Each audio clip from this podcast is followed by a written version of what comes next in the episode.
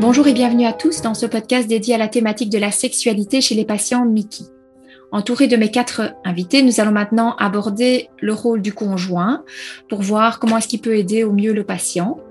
Et je vais être accompagnée dans cette tâche de Charlotte, notre sexologue et psychologue, de deux gastro-entérologues, le docteur Bénédicte Devro et le docteur Frédéric Flamme. Et nous avons également avec nous Kathleen, notre patiente et responsable de l'association Mickey Jeune. Peut-être une première question pour toi, Kathleen. Finalement, en quoi est-ce que ton... Quel, est le rôle finalement de ton conjoint dans, dans ta vie euh, sexuelle? Je veux dire, en quoi est-ce que que c'est important euh, que, le, que le conjoint soit présent pour pouvoir trouver euh, finalement un épanouissement dans, dans la vie sexuelle? Euh, je pense que c'est important dans le sens où avoir le soutien de la personne avec qui on est, c'est important euh, dans toutes les phases de la vie, pas seulement sur ce plan-là.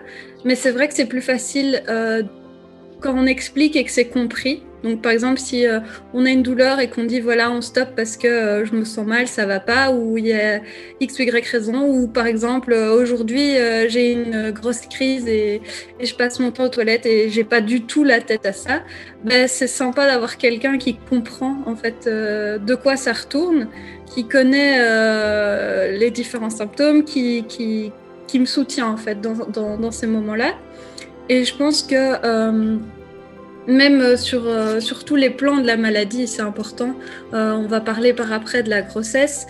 c'est quelque chose qui se planifie à deux et c'est sûr que d'avoir un conjoint qui comprend ce qu'est la maladie, ce que, ce, que ça, ce que ça veut dire et ce que j'endure d'une certaine manière.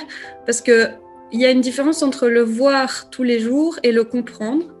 Donc il y a une différence entre savoir que je suis malade et puis de se dire oh, on va pas faire ça aujourd'hui parce qu'elle est malade. Euh, et je pense que c'est quelque chose qui revient souvent euh, au niveau des patients. Euh, c'est la peur d'être quitté ou la peur que les gens se lassent en fait. Que ça fait plusieurs jours qu'il veut pas, ça fait plusieurs jours, il ne comprend pas. C'est vraiment la plainte qui revient souvent, c'est il ne me comprend pas. autant chez les femmes que chez les hommes. les conjoints qui ne comprennent pas, c'est vraiment le souci majoritaire quand j'en discute avec d'autres patients. Donc voilà, j'ai cette chance d'avoir quelqu'un qui qui me soutient, qui comprennent euh, tous les aléas euh, de la maladie. Merci.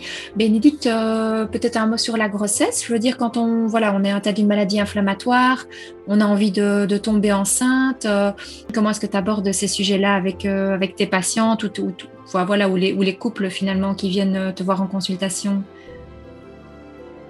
Alors déjà, c'est très souvent à l'occasion de, de désirs de grossesse, donc de maternité ou de paternité, que les patients vont aborder le sujet de, la sexualité. Parce que c'est un sujet qu'ils ne vont pas spontanément aborder et qui souvent va, euh, voilà, va prendre sens à partir du moment où il y a des projets un peu, euh, un peu derrière, pas simplement un projet de, plaisir et de bien-être. Et, euh, et, par rapport à la grossesse, je pense que le message principal, c'est aussi un message rassurant, c'est-à-dire que la maladie inflammatoire ne va jamais, ou en tout cas exceptionnellement, empêcher, empêcher la grossesse. Parfois, simplement, ça va être une question de timing et éventuellement de, report du projet si la maladie est malheureusement un peu trop active. Et donc, ce dont on va vraiment beaucoup discuter, c'est d'essayer de stabiliser au mieux la maladie pour que la grossesse se passe au mieux, à la fois pour la maman et à la fois pour le bébé. Et éventuellement devoir faire quelques petites adaptations au niveau des traitements médicaux ou au niveau euh, des perspectives chirurgicales, si euh, voilà, s'il y a du travail, en tout cas, à mettre en place avant de pouvoir envisager une grossesse qui soit, qui soit sereine. Euh, et pareil pour les, futurs papas, il y a parfois quelques petits ajustements à faire au niveau médicaments. Il y a quelques médicaments qu'il faut interrompre, même s'ils sont très peu nombreux, interrompre transitoirement. Et, euh, voilà, il, faut, euh, il faudra à nouveau planifier. C'est un petit peu comme l'activité sexuelle, il y a, un, un, petit chapitre de planification. Mais globalement, on va avoir pas mal de messages plutôt rassurants. Euh, et, comme je le disais, souvent la, grossesse, ou en tout cas le projet de grossesse, va être la manière dont les patients abordent euh, la sexualité avec nous. Parfois, ils vont aborder le sujet aussi euh, autrement, simplement quand on les voit arriver à deux à la consultation, alors qu'habituellement on ne voit que, l'un ou que l'autre. On peut un peu suspecter le sujet et, et parfois ça m'arrive à ce moment-là de poser la question et de dire tiens, aujourd'hui monsieur vous êtes là, aujourd'hui madame vous êtes là. Euh, est-ce que peut-être vous, vous avez des questions? Et très souvent, à ce moment-là, ce sont les questions sexuelles ou les questions euh, voilà, de grossesse qui, euh, qui arrivent sur le tapis. Donc, je crois qu'on doit peut-être aussi penser à susciter les questions et, globalement, on pourra avoir pas mal de réponses, même si on ne les a pas toutes. Et si on ne les a pas toutes, bah, comme on l'a déjà dit, on va s'entourer et on va faire appel aux autres intervenants de, l'équipe Mickey au sens large. Merci beaucoup, Bénédicte.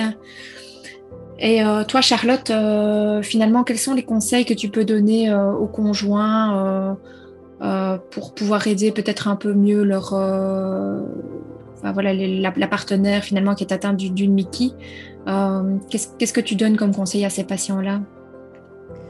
Bien, euh, au niveau de la sexualité, par exemple, s'il n'y en a pas ou s'il y en a moins à un moment donné, c'est de ne pas le vivre comme un rejet, justement, pour le, conjoint, mais que cette personne puisse se dire, ben, c'est pas moi qu'elle rejette, euh, c'est la, la situation qui n'est pas propice à un rapport sexuel.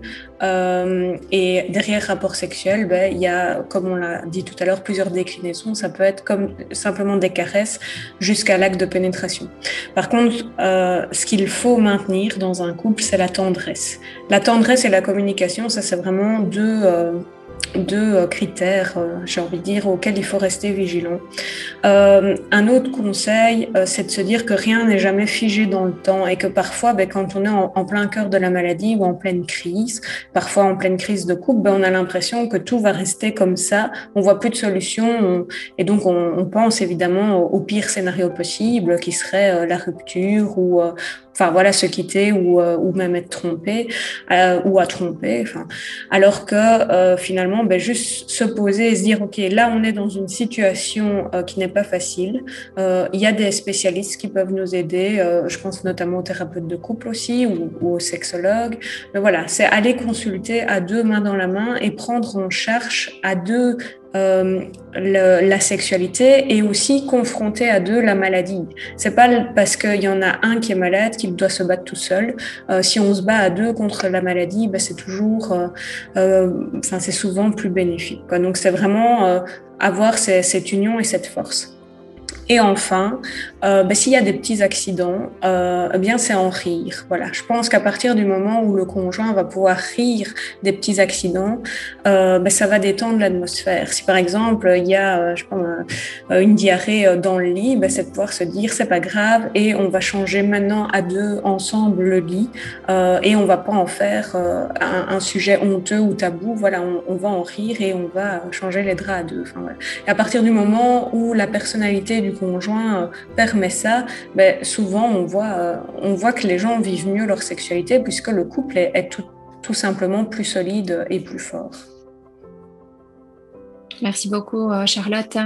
Et peut-être une autre question, c'est voilà quand on, quand on commence une nouvelle relation avec quelqu'un, comment aborder finalement cette... Euh, avant un premier rapport, comment aborder cette problématique quoi, avec le nouveau conjoint? Est-ce que tu as des, conseils à donner ou des expériences du vécu à nous partager?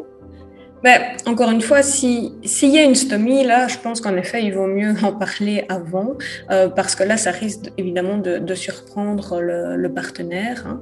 Euh, maintenant, si c'est euh, une maladie de Crohn ou un RCUH, ben, là, on peut très bien, enfin, on peut, si on en a envie, en tout cas, on, a la possibilité de le cacher. Alors évidemment, il va falloir orienter le rapport sexuel pour ne pas que le partenaire aille vers les zones à risque, hein, donc je pense notamment à l'anus, et donc éviter ce genre de stimulation. Mais dans les premiers rapports sexuels, chez monsieur et madame tout le monde, en général, on va pas directement vers l'anus. C'est quand même une partie très intime euh, et, c'est des pratiques qui vont, euh, qui vont se, faire quand le couple a quand même euh, un peu de vécu. Donc voilà. Donc au premier rendez-vous, si on est célibataire et qu'on est en plein dans les, dans les techniques de séduction, ben voilà, dire d'emblée qu'on a une maladie chronique, ça peut peut-être faire peur, mais quoique ça dépend. Hein, parce qu'il y a, y a tellement de banalisation en fait des maladies chroniques que souvent la personne devant ne, se rend pas compte de ce que c'est hein, finalement les, symptômes d'un Mickey. Donc voilà, moi je conseille quand même peut-être d'en parler au, deuxième ou au troisième rendez-vous et d'établir une, relation de confiance et de, pouvoir déjà mieux se connaître sur d'autres points et voir si la relation euh, euh vaut la peine de démarrer. Et puis en effet, c'est essentiel euh, quand on veut entamer une relation de confiance et, et, de, et, de, couple, hein, un peu euh, un amour pour la vie, entre guillemets, et pas juste d'une nuit, ben là, en effet, c'est de, de, pouvoir communiquer et, et, se dire ces choses-là. Ça, c'est primordial d'en parler à ce moment-là. Merci beaucoup. Frédéric, est-ce que tu as d'autres conseils que tu pourrais donner aux partenaires? Ben, Comme dans toute pathologie chronique, je dirais qu'effectivement, le soutien, quand on est en couple, le soutien du conjoint dans tous les, mauvais moments, et pas que les bons moments, est important. Donc, quand les patients viennent en couple, souvent tendance à aller dans le sens euh, du patient et pas tellement du conjoint en fonction des plaintes. Donc, mais ce n'est pas propre aux maladies inflammatoires intestinales. Euh, si pas les couples, effectivement, comme disait Bénédicte, on les voit essentiellement dans les moments de grossesse ou dans les désirs de grossesse.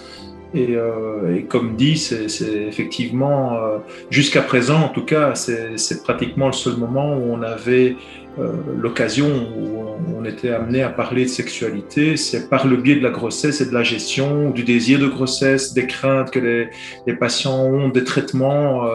Euh, est-ce qu'on peut continuer notre traitement? Est-ce qu'on va le continuer? Euh, Ça, c'est une grande crainte. Hein. Il y a beaucoup de patients qui euh, qu'on ne voit plus et qui, avec maintenant les traitements qui sont pas forcément hospitaliers, on loupe parfois certaines choses. Les patients qui arrêtent leur traitement.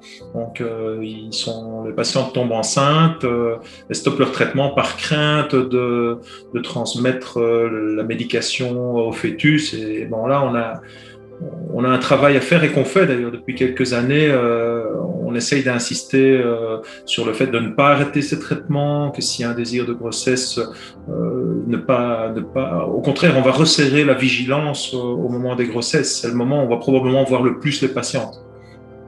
Donc voilà, je n'ai pas de conseils particuliers à donner aux patients, euh, aux, conjoints pardon, des patients, aux conjoints ou conjointes, euh, dans, les deux sens. C'est plutôt de les rassurer, comme disait Bénédicte, c'est qu'une grossesse est possible, euh, qu'elle sera probablement plus surveillée. Et, là, on a une double surveillance, puisqu'il y a aussi les gynécologues qui maintenant, euh, dans, des équipes de, cliniques de Mickey, sont tout à fait sensibilisés à ce genre de choses et reviennent souvent vers nous d'ailleurs. Ce sont eux qui sont très inquiets. Euh, tiens, est-ce qu'on peut garder ce, médicament Quand est-ce qu'on doit arrêter une biothérapie en cours de traitement? Et là, on a un grand rôle à jouer. Et voilà, c'est le moment où on voit le plus les couples, effectivement, à ce moment-là. Et c'est des conseils, on les donne parfois plus euh, aux gynécologues euh, qu'aux conjoints. C'est le gynécologue qui joue l'intermédiaire, le ou la gynécologue qui joue l'intermédiaire. Merci beaucoup.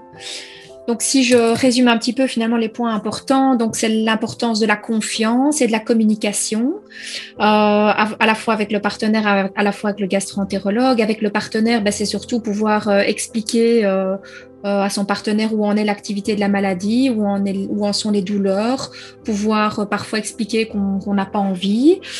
Euh, la confiance et la communication avec le gastro-entérologue par rapport à tout ce qui est la grossesse, l'importance de peut-être planifier la grossesse en fonction de où en est l'activité de la maladie, mais aussi euh, pour pouvoir planifier ou non l'arrêt de certains traitements. Et enfin, euh, l'importance de la tendresse, de l'humour, de changer les draps à deux euh, et se dire que finalement, ben, rien n'est figé dans le temps et que euh, voilà, c'est finalement un problème qu'on aborde à deux. Un tout grand merci à tous nos experts pour toutes leurs explications et, et le temps qu'ils nous ont accordé.